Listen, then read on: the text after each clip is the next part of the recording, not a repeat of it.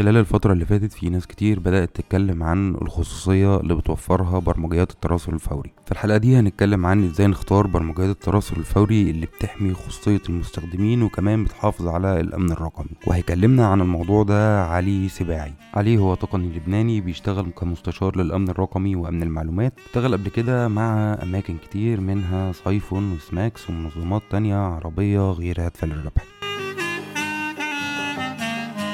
أهلا بيكم في حلقة جديدة من بودكاست أوبنت. أنا محمد الطاهر مدون وتقني مهتم بالحقوق الرقمية.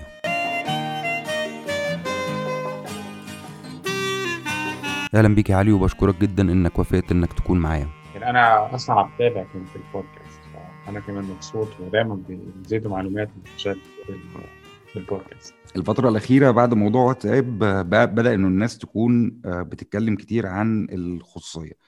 آه في ناس بقت مهتمة كفاية وناس هي شايفة إنه آه الإنترنت ما فيهوش خصوصية ويعني وما دام آه قبلنا إن إحنا نستخدم الإنترنت فيعني نقبل بال بالوضع يعني اللي موجود فيه. خلينا نتكلم بقى النهارده أكتر عن إيه بالظبط المعايير اللي إحنا نقدر إن إحنا نختار من خلالها آه البرامج اللي إحنا بنستخدمها سواء على الموبايل أو على آه اللابتوب. فإذا هنبدأ إن إحنا نتكلم عن أهم ثلاث حاجات أنت شايفهم لازم يكون متوفرين مثلا في تطبيق معين.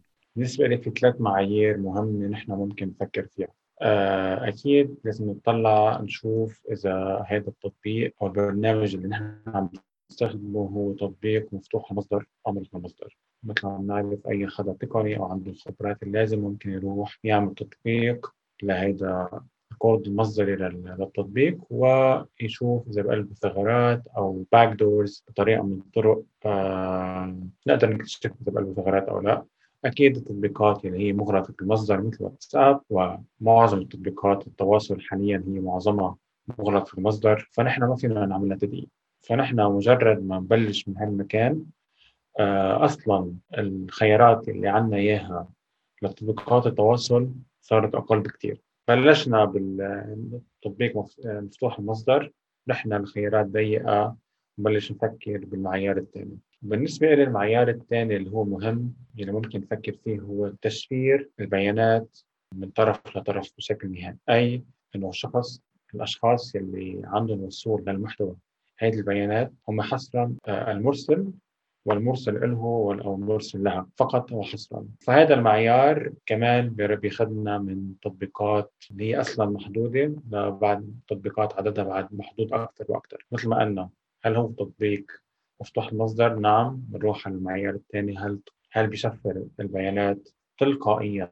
أو بشكل افتراضي. من دون نحن نعمل أي تدخل مع التطبيق هل بيشفر البيانات من طرف لطرف فمعناتها هذا معيار فينا نطلع عليه معناتها هذا التطبيق نحن نوعا ما فينا نكون نسهل بالوثوق فيه. معيار ثالث ممكن يكون يمكن التطبيق مثل ما قلنا مفتوح مصدر ممكن يكون بشفر بيانات بعدين معيار ثالث قديش هذا التطبيق بمشاركة البيانات الوصفية شركة مع الشركات الأم. فهذا كمان موضوع كتير مهم لازم نفكر فيه. وهل بتشارك هالمعلومات مع أطراف أخرى؟ كمان هذا معيار ممكن كتير نفكر فيه ونحكي عنه. فبعتقد بهالخيارات عم نوصل لعدد كتير كتير كتير أقليل من التطبيقات اللي نحن ممكن نوثق فيهم. أكيد إذا قلنا نحن هذه التطبيقات هي أأمن وممكن نوثق فيهم ممكن نوثق فيهم اليوم حاليا بهيدي الآونة. ممكن بعد يومين ثلاثة بعد شهر شهرين ممكن يكون في ثغرات غير مكتشفة معناتها. حاليا تطبيق آمن ممكن بعد فترة تطبيق غير آمن لأنه تم اكتشاف ثغرات أخرى. كيف ممكن نعرف هذا الشيء؟ في حال كان التطبيق مفتوح المصدر فمعناتها ممكن نتأكد إنه فعلا هذا التطبيق هو آمن أو غير آمن.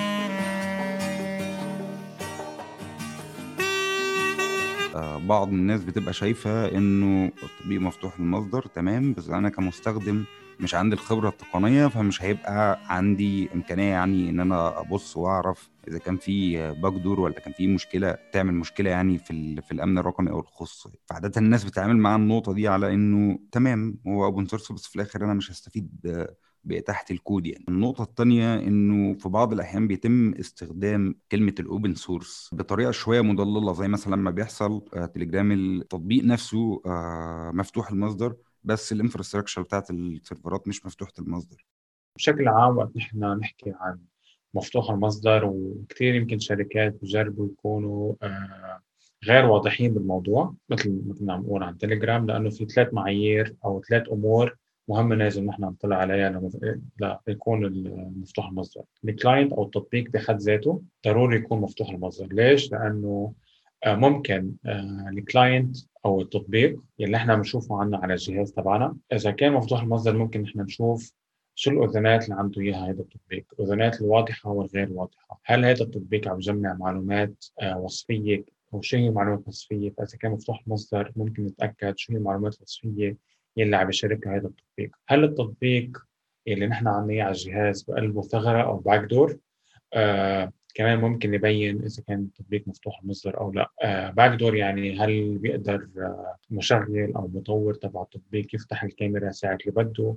هل بإمكانه الوصول لل للميكروفون ساعة اللي بده؟ هل بيتم آه، إرسال بيانات من الاستوديو أو الصور موجودين على الهاتف بطريقة عشوائية للشركة المطورة هذا كله ممكن يبين داخل ال client أو التطبيق. إذا كان مغلق المصدر نحن ما عندنا أي دراية كيف هذا شو المع... شو المعلومات الوصفية اللي ممكن يتبادلها. إذا عم يفتح الميكروفون أو الكاميرا ساعة اللي بده هذا التطبيق. أما من ناحية ال infrastructure أو الهيكليه التقنية تبع تبع التطبيق اللي هو يكون بال cloud على الإنترنت آه مضبوط نحن التطبيق يمكن يكون مفتوح المصدر ولكن كيف تم تنصيب آه القدرات التقنية والخوارزميات على هذا هيدي ال infrastructure؟ كمان ممكن إذا كان مفتوح المصدر كمان ذات الأمور شو آه، شو المعلومات اللي عم بيخزنها؟ أو هل عم بيخزن إنه آه مستخدم X عم بيستخدم عم بيتواصل مع مستخدم Y قديش عم بيخلي هذه المعلومات آه عم بيتم حفظها لقديش وقت؟ شو هي المعلومات بشكل عام اللي عم بيقدر يخزنها هيدا ال infrastructure كمان إذا كان غير مفتوح المصدر ما حيكون عندنا دراية إلا في حال هيدي المؤسسة نشرت هذا الموضوع ممكن كمان حتى لو نشروا ممكن يكون كلام غير دقيق. أما إذا كان مفتوح المصدر حنقدر الاشخاص التقنيين حيقدروا يعرفوا فعلا إذا هيدي ال infrastructure تبع هيدا التطبيق فعلا عم تعمل مثل ما هن عم بيشيروا لهم وأخيرا التشفير داخل هذا التطبيق. مثل ما قلنا عدة تطبيقات صارت عم تستخدم التشفير من طرف لطرف. بحد ذاته مثل ما قلنا في نوعين تشفير تشفير من طرف لطرف وتشفير على الإنترنت.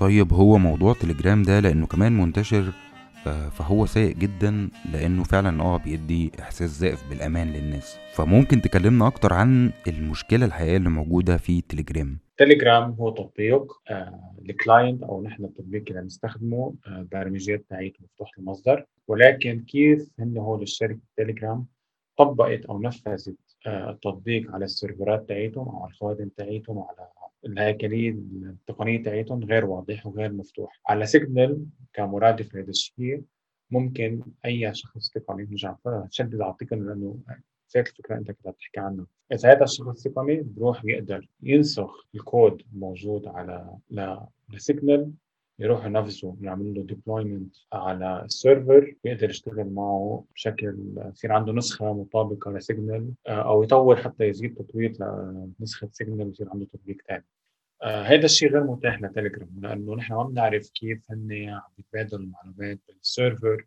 والتطبيق بحد ذاته. تليجرام بيستخدم مطرح من مطارح التشفير من طرف لطرف. ولكن هذا التشفير هو آه تشفير غير تلقائي أو غير افتراضي.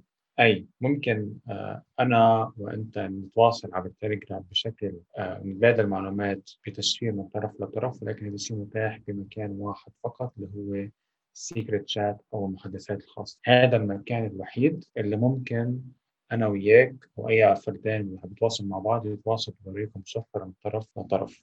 أما بشكل عام تليجرام يعني عم نحكي ال channels عم نحكي ال group ات المجموعات آه، بشكل عام التواصل وتبادل البيانات عبرهم هو غير مشفر من طرف لطرف. ولكن هو عم يتم تشفير المعلومات فقط بين المستخدمين وسيرفرات الشركة. آه لو هن فعلا شفافين وواثقين جدا إنه التشفير تبع تليجرام هو ممتاز وجيد ممكن يعملوا ينشروا تدقيق من جهة ثالثة يعني شو آه من جهة مستقلة عن تليجرام يعملوا تدقيق تقني للبروتوكول التشفير أو يفتحوا المصدر أو يفتحوا الكود المصدري لهذا البروتوكول حتى أي أشخاص تقنيين آه، مش بس تقنيين عم نحكي على أشخاص اللي بيتعلقوا بال cryptography بالتشفير تقنيات التشفير ممكن يطلعوا عليه بشكل عام. ودي نقطة مهمة في حكاية إنه آه، ال security audit اللي بيتعمل في بعض الأحيان للتطبيقات. وبالتالي هو هنا مش بالضرورة المستخدم نفسه يبقى عارف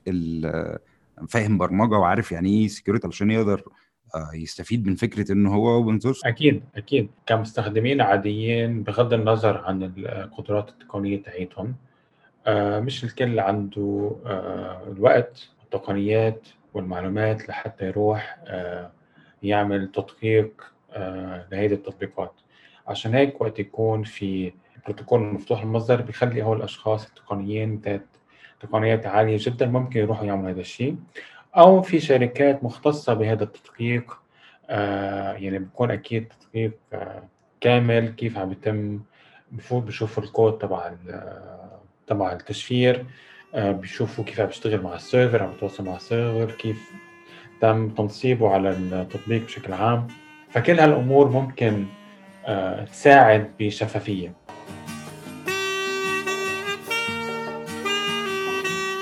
طيب علي خلينا نتكلم عن ال encryption أو التشفير وإزاي بيحصل. ال encryption آه، بشكل عام لغويا باللغة العربية هو التعمية. إيه، وهي كلمة التعميه هي كلمة معناتها عملية حسابية بتصير لحتى آه، ترمز يصير في ترميز للمعلومات آه، حتى بشكل تعملها scrambling أو تخلط هذه المعلومات حتى بشكل إنه ليس أي شخص بإمكانه فك هذا الترميز لهذه المعلومات. فوقت نحن عم نحكي عن تشفير آه، من طرف لطرف أو تشفير النهائي آه، معناتها إذا أنا أو شخص ثاني أو أي مستخدمين عم بيتواصلوا آه، عبر تطبيقات اللي بتستخدم التشفير من طرف لطرف معناتها المحتوى تبع هيدا هيدي المراسلات عم نحكي كرسائل نصية عم نحكي كصوت عم نحكي كفيديو. معناتها المحتوى آه هذا المحتوى بيمر عبر هذا التطبيق. الأشخاص والأفراد الوحيدين اللي عندهم اطلاع على هذا المحتوى هم الأشخاص المرسل والمرسل اليه أما وقت نحن نستخدم على سبيل المثال فيسبوك ماسنجر منهم الأشخاص اللي عندهم اطلاع على المحتوى. فيسبوك ماسنجر أول شيء بيستخدم تشفير للبيانات عبر الإنترنت فقط. اي نقول أنا ومحمد عم نعمل تواصل عبر الفيسبوك ماسنجر آه نتواصل آه أنا بشوف المحتوى كون أنا ارسلت المحتوى لمحمد آه بتمر البيانات من عندي بتمر عبر الإنترنت لتوصل ل server ات تبع فيسبوك شركة فيسبوك وقت توصل المعلومات أو البيانات اللي عند فيسبوك بيتم فك التشفير تبع المحتوى. آه معناتها شركة فيسبوك عندها اطلاع على المحتوى إذا حابين يطلعوا. هل بيتم اطلاع أو ما بيتم اطلاع هذا موضوع وجدليه أخرى ممكن نحكي عنها بعدين؟ بعد ما توصل هذه الرسالة لمحتوى فيسبوك ترجع تنتقل هذا المحتوى يوصل عند فيسبوك ترجع تنتقل بطريقة مشفرة مرة أخرى. البيانات من آه سيرفرات فيسبوك لعند محمد على جهاز وهذا الانتقال بيكون مشفر. أي الأطراف يلي ممكن تشوف آه محتوى الرسائل هم أنا كمرسل محمد مرسل له وشركة فيسبوك في حال حابين يطلعوا على المحتوى. أي معناتها في حال تم طلب من شركة فيسبوك الوصول لهذا لهذا المحتوى يمكن بقرار قضائي أو أي أطراف ثالثة يمكن أو بحق لها لفيسبوك تعطي هذا المحتوى. معناته غير آمن لأنه فيسبوك عم تشاركنا بالحديث معه آه، أما في حال سيجنال آه، فقط أنا ومحمد بنعرف هذا المحتوى.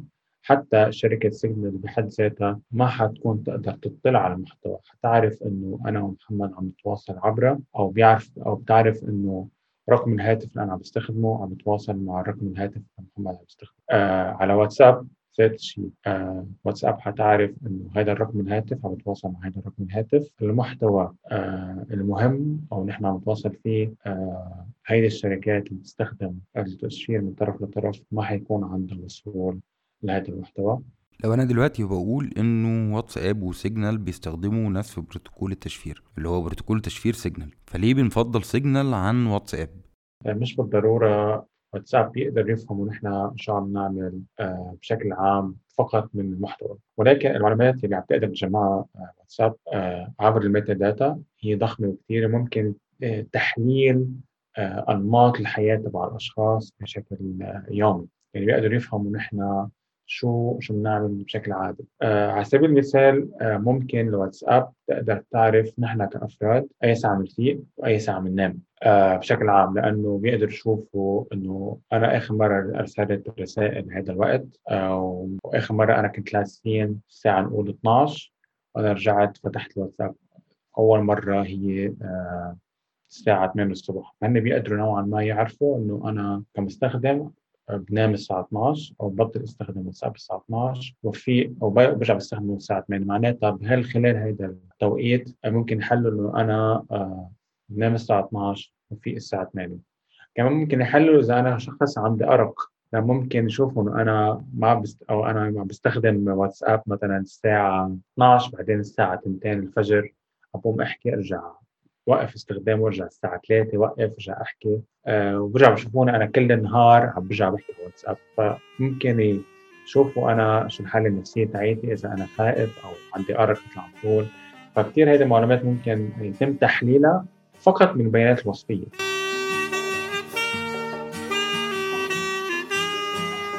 فإحنا هنا ممكن نقول إنه التطبيقات اللي بتستخدم بروتوكول سيجنال وهي دلوقتي بقت أظن أكتر من تطبيق يعني بيستخدمه فالتطبيقات دي بتتيح تشفير من طرف لطرف. لكن المشكلة في حاجات تانية. فممكن نتكلم أكتر عن آه، مثال مثلا زي واتساب. إيه المشاكل التانية اللي موجودة فيه؟ علشان كده بنقول إن هو مش آمن كفاية ومش بيحمي خصوصية المستخدمين.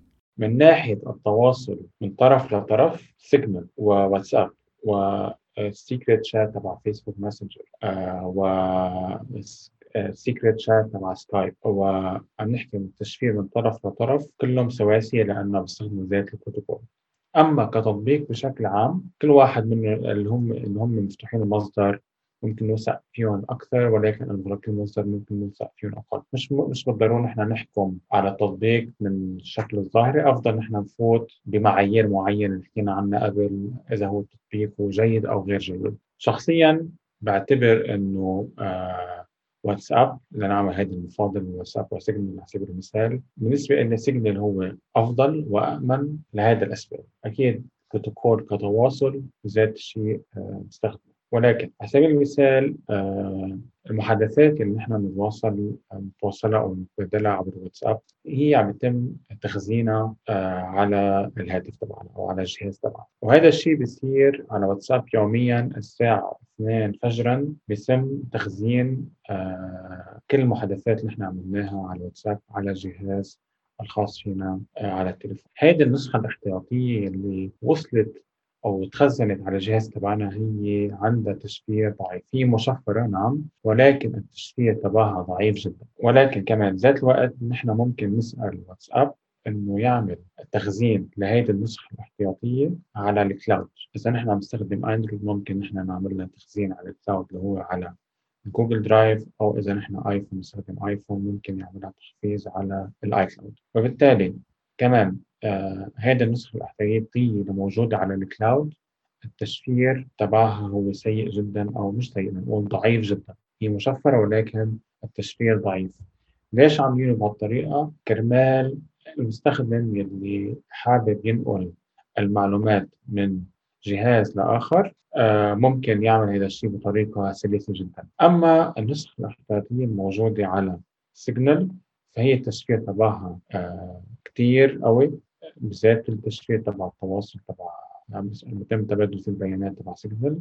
أي مضبوط هو تم تخزينه على الجهاز ولكن مشفر بطريقة عالية جدا وجيدة جدا بعكس تبع واتساب. أي أي شخص ضاع منه التليفون أو انسرق أو تصادر بأي طريقة من الطرق ممكن الشخص أو الجهة اللي صادرت هذا الجهاز أو سرقت هذا الجهاز ممكن بعدة طرق ممكن سحب كل المعلومات اللي موجودة على الواتساب يتم تخزينها وفتحها واطلاع على كل المعلومات الموجودة.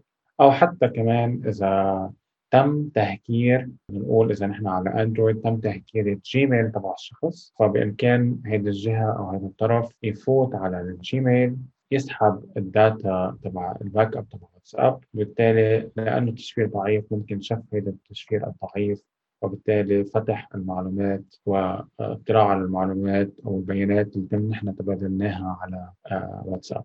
أي التشفير اللي نحن من طرف لطرف اللي عملناه آه، هو ممتاز وجيد ولكن بذات الوقت في ثغرة في حال نحن ضاع التليفون تبعنا أو تصادر أو انسرق. فكل الجهد اللي نحن عملناه أو التطبيق اللي وفرنا إياه التواصل الامن آه عم بيعطينا نوعا ما بإحساس الزائف للآمان. لأنه إذا نحن حتى لو كان عندنا على الجهاز تبعنا برمجية خبيثة ممكن تعمل هذا الشيء وتسرق هذه البيانات وتم والأشخاص ممكن يفكوا هيدي التشفير والاطلاع على المحتوى. أو في حال نحن وقعنا ضحية روابط التصيد وتم تهكير الحساب تبعنا كمان ممكن فك هذا التشفير والوصول لهذه المعلومات. كمان ليش سيجنال مفضل عن على واتساب؟ لأنه سيجنال آه بيجمع معلومات وصفية قليلة جدا. بالمعنى الأدق سيجنال ما بيجمع أي معلومات وصفية آه كثير. المعلومات الوصفية الوحيدة اللي بيجمعها سيجنال هي رقم الهاتف تبعنا.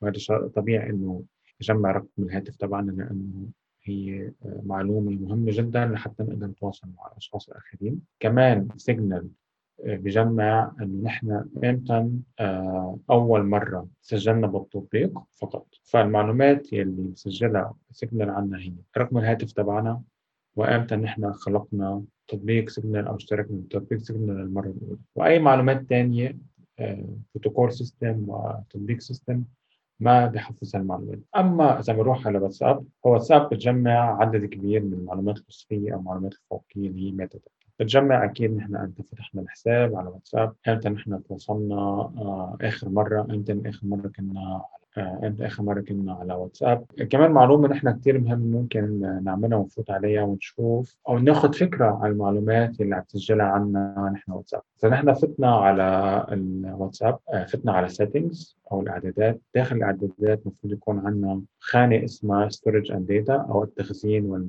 آه، والبيانات. إذا فتنا عليها ممكن نحن نفوت على داخل ال storage and data في شيء اسمه network usage داخلها ممكن نشوف عدد مهول من البيانات اللي نحن عاملينها. بيقول لنا كم عدد الرسائل اللي أنا أرسلتها عبر واتساب كم عدد الرسائل اللي أنا وصلتني آه، كم عدد البايتات اللي أنا أرسلتها وكم عدد البايتات اللي أنا وصلتني من ناحية الشات بشكل عام بيقول لي قديش كمان أنا أرسلت وتم إرسال لإلي. من ناحية إذا نحن أشخاص بنشارك الستوري على واتساب كمان بشوف قديش نحن استهلكنا stories وقديش أرسلنا ستوريز أو رفعنا stories بيقدر يعرف آه كم اتصال أنا أجريته عبر واتساب وكم اتصال أنا وصلني عبر واتساب. حتى أنا مبين عندي هون شو عدد الساعات والأيام اللي أنا قضيتها على واتساب كمكالمات. فهذه كلها معلومات وصفيه عم تقدر تسجلها عن آه، واتساب.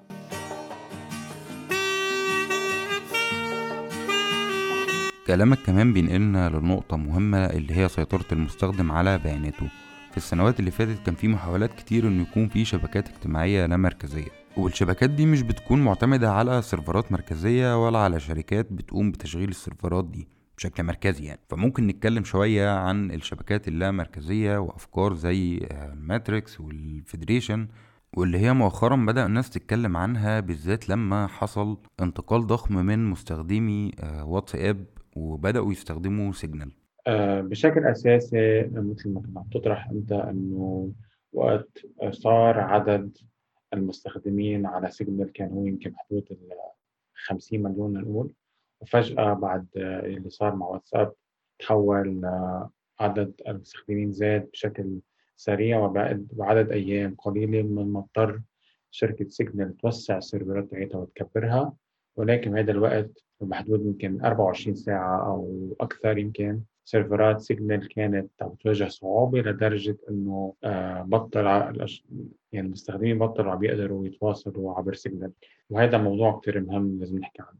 آه، فمعناتها إنه نحن كل التواصل تبعنا عم يمر بيني وبين بين أنا كمستخدم ومستخدم آخر عبر server موحد.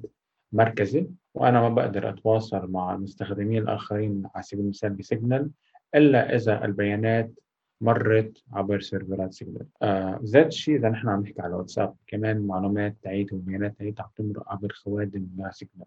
على واتساب ذات شيء فيسبوك. آه أنا كل المعلومات والصور اللي رافعها على فيسبوك هي شركة فيسبوك هي المالك الحقيقي تبعها لهذه المعلومات وهذه الصور وهذه الدردشات. ذات شيء تويتر التويتات اللي أنا بعبر فيها عن رأيي هي تويتات موجودة على سيرفر مركزي لشركة آه آه تويتر. معناتها هن المالكين الحقوقيين لهذه المعلومات معناتها هم عندهم القدرة والسيطرة بفعل ما يشاءون آه، بهذه المعلومات. كذلك في عدة آه، مؤسسات أخرى آه، تعنى بالتقنية أكيد فكرت إنه لا لازم نحن نفكفك الإنترنت. ما يكون القرار الإنترنت هو قرار مركزي أي القرار هو بيد كل قليل من التقنيين أو الشركات. هم بيتحكموا بالقرارات التقنية هاي في تطبيقين تواصل مشهورين. الأول هو روكيت شات ممكن لأي مؤسسة تستخدم روكيت شات اللي بتقدمها شركة روكيت شات ولكن في ذات الوقت نحن كأفراد أو كمؤسسات ممكن نستضيف روكيت شات على server خاص فينا لنا أو روكيت شات هو بالأحرى مثلا فينا نقول هو تطبيق مرادف لسلاك. لأن كثير مؤسسات بتستخدم سلاك أو تطبيق مرادف لمايكروسوفت تيمز. لأنه كثير كثير مؤسسات بيشتغلوا خصوصا بأوقات كورونا اعتمدوا بشكل كثير كبير على التواصل داخل داخل الفريق بعيدا عن الإيميل لأنه حسوا إنه هذه الطريقة التواصل بعيد عن الإيميل هي التواصل أسهل وأسرع للموظفين تاعهم فروكت شات أي مؤسسة ممكن تشوف ال source code آه، تبع التطبيق. وتروح تعملوا deployment أو تستضيفوا على ال server الخاص فيها. أي كل المحتوى اللي موجود على هذا ال server تبع الروكيت شات أو كل المحادثات اللي عم يعملوها الموظفين هي آه، محادثات فقط آه، بيملكها آه، بيملكها المؤسسة أو إذا فريق بيملكها الفريق لهذه المعلومات. فعندهم هن الحرية بمحل محادثات ساعة اللي بدهم ممكن يشيلوا يطفوا ال server أو يطفوا التطبيق ساعة اللي بدهم. ممكن يضيفوا الاشخاص على التطبيق ساعة اللي بدهم. فصار آه، نوعا ما إذا أنا الفريق تبعي حابين نتواصل نتواصل بعيدا عن اعين فيسبوك وبعيدا عن اعين واتساب يمكن نحن نخلق هذه المرادف لنا ولكن الروكت شات مضبوط نحن عم يكون نحن عم نخلق مساحة خاصة فينا لنا فقط. ولكن كمان في آه نظام ثاني اسمه ماتريكس آه نظام ماتريكس هو نظام آه كمان مفدرل أو فيدرالي آه غير مركزي. بشكل كمان أي مؤسسة وأي جهة بإمكانها تستضيف ماتريكس على ال server الخاص تاعها ولكن اللطيف والجيد بماتريكس إنه مزبوط نحن عم نستضيف ال server تبعنا الخاص ولكن بإمكاننا نحن نتواصل مع مؤسسات أخرى عبر ماتريكس المعلومات تاعتنا والمحادثات تاعتنا هي نحن بنستضيفها ولكن بإمكاننا التواصل مع أشخاص آخرين عبر system هو ماتريكس وممكن نحن نستخدم عدة تطبيقات أخرى لنتواصل عبر ماتريكس هو تطبيق مثل Element. على سبيل المثال عدة مثلا بالولايات المتحدة ويمكن بعتقد بفرنسا آه كثير آه دوائر حكومية. كل دائرة حكومية عندها النظام الماتريكس الخاص فيها. المعلومات آه مست... كل جهة حكومية مستضيفة هذا النوع آه أو هذا السيرفر عندها. ولكن رابطة نفسها مع مؤسسات حكومية أخرى بنقول الداخلية عم تتواصل مع الخارجية أو مع الشؤون المحلية أو شؤون المواطنين. كله كل كل مؤسسة عندها سيرفر خاص معلوماتها محل بسيرفر خاص ولكن بذات الوقت عم تقدر تتواصل مع المؤسسات الحكومية الأخرى. آه وكل مؤسسة من المؤسسات عندها الخيار هي تطفي السيرفر تبعها أو تخلي السيرفر تبعها أو تضيف مستخدمين على السيرفر تبعها. بعكس فيسبوك إذا فيسبوك قررت إنه آه، آه، مستخدم فلان ممنوع بقى يستخدم فيسبوك بتشيله على فيسبوك ساعة اللي بدها آه، ولكن على ماتريكس ممكن الشخص يرجع يفتح السيرفر تاعه ويطلع على ساعة اللي بده ويتواصل مع أشخاص اللي هو حابب يتواصل معهم ساعة اللي بده. كمان ممكن نحكي على إذا نحن عم نحكي على السوشيال ميديا أو آه، التواصل الاجتماعي في كمان منصة اللي اسمها ماستودون كمان هي منصة آه، للتواصل الاجتماعي بشكل إنه كل شخص حابب يكون عنده page أو عنده profile ممكن يستضيف هذا ال page أو profile أو مؤسسة بحد ذاتها يستضيفها على السيرفر الخاص فيه. أي بغض النظر على وحتى يقدر يتواصل مع منصات ومستخدمين آخرين يلي هن كمان بحد ذاتهم عاملين استضافة للمحتوى تبعهم على السيرفر الخاص فيهم. إذا أنا كان عندي page في أنا أقدم المحتوى يلي أنا عايزه واللي أنا بدي إياه واللي يمكن بيطابق على المعايير الأخلاقية والثقافية والاجتماعية والهوية وبشكل عام اللي أنا بآمن فيها. في أقدم هذا المحتوى. آه وما باستطاعة أي حدا يقصيني من هيدا المنصة. ممكن أنا أتواصل مع أشخاص موصولين تستخدم كمان مطرح تاني. أما إذا بنرجع على فيسبوك كمان بنرجع فينا نستخدم المثل الفلسطيني إنه كتير منصات أو بيجات وصفحات فلسطينية بتم إقصائها.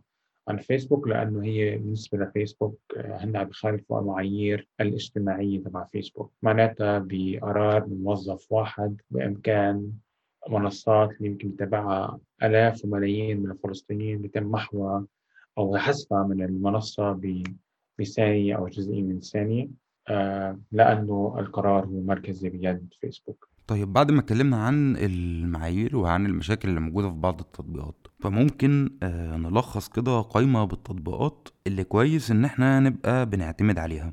فينا ننصح بسيجنال لأنه سيجنال آه مفتوح المصدر التواصل عليه آمن والمعايير الأمنية اللي عليه آه، والرقمية هي جيد جدا وممتازة. ممكن آه، كتواصل مؤسساتي ممكن ننصح نحن بروكيت شات. روكيت شات تلقائيا ما عليه end-to-end encryption ما عليه تشفير من طرف لطرف ولكن بإمكان المؤسسة آه، كون هي نوعا يعني التواصل المؤسسي ممكن ال admin أو المسؤول عن التطبيق ممكن يفعل خاصية تشفير من طرف لطرف وكمان هو open آه، source مفتوح مصدر وبإمكان أي شخص أو مؤسسة تستضيفه على السيرفر الخاص فيها كمان من ناحية الفدرالية أو اللامركزية للتواصل فينا نطلع على Element أو ماتريكس كمان ذات الموضوع ولكن القيمة المضافة تبع ماتريكس إنه نحن بإمكاننا التواصل مع شبكات أخرى من آه، الفرق والمؤسسات وهذا شيء جيد. يعني بهذا الشيء إذا نحن كنا على ماتريكس والشركاء نحن كمؤسسة والشركاء تاعونا كمان موجودين على ماتريكس نحن فينا نوصل لمرحلة نستغني عن الإيميل التواصل معهم. كمان من ناحية آه، التواصل الفيديو سيجنال عن جديد صار عندهم التواصل عبر الفيديو لبحدود من أشخاص كمان بتشفير من طرف لطرف. ولكن روكيت شات و Element أو ماتريكس ما عندهم خاصية التواصل على الفيديو لذلك بيستخدموا خدمة جيتسي فلحتى نحن نقدر نتواصل ك video conference بإمكاننا نحن نتواصل عبر جيتسي أو جيتسي ميت. الجيتسي هو تطبيق كمان مفتوح المصدر آه، بيعمل تشفير للمحادثات إذا كانوا شخصين على الفيديو من طرف لطرف. آه، إذا كانوا شخصين إذا كانوا أكثر من شخصين بإمكان تم تشفير المحادثة الفيديو عبر خاصية أو بروتوكول اسمه WebRTC أو Web Real Time Communication. آه ولكن الجيد إنه جيتسي حاليا عم يطوروا آه البرنامج تبعهم بشكل آه ممكن لمستخدمين كروميوم لو كروم أو نحكي مايكروسوفت ادج أو بريف على ما أعتقد كل هول المتصفحات بيستخدموا كروميوم فبامكان آه يجربوا الجيتسي بتشفير من طرف لطرف. وكذلك من ناحية ال video conferencing كمان فينا نحن ننصح بيج بلو بutton كمان هو آه، برنامج لل video conference مفتوح المصدر ولكن الطريقة الوحيدة اللي نحن ممكن نستخدمه هو إنه نحن نعمل له hosting أو نستضيفه على الخادم الخاص فينا. كمان بيشفر التواصل عبر الفيديو خلال بروتوكول ال WebRTC كمان فينا نحن ننصح بواير. آه واير آه جميل فيه انه مع إنه هو برنامج مركزي. آه كل المحادثات بتمر عبر آه سيرفرات Wire المركزية. ولكن الجيد نحن ممكن آه، نتواصل عبر الويب بتشفير من طرف لطرف ولكن بإمكاننا نسجل عليه بطريقة مجهولة أي بإمكاننا آه، ما نستخدم رقم الهاتف تبعنا نسجل على Wire بإمكاننا استخدام إيميل أو أي إيميل حقيقي لنا أو حتى إيميل وهمي نكون إحنا موجودين على Wire نتواصل مع أشخاص بطريقة مشفرة من طرف لطرف فبالمعظم يعني بخلاصة ننصح كتواصل فردي Signal و Wire كتواصل مؤسساتي وغير مركزي Rocket.Chat و Element وتواصل عبر آه، الفيديو Jitsi و بليك Big Blue BlueButton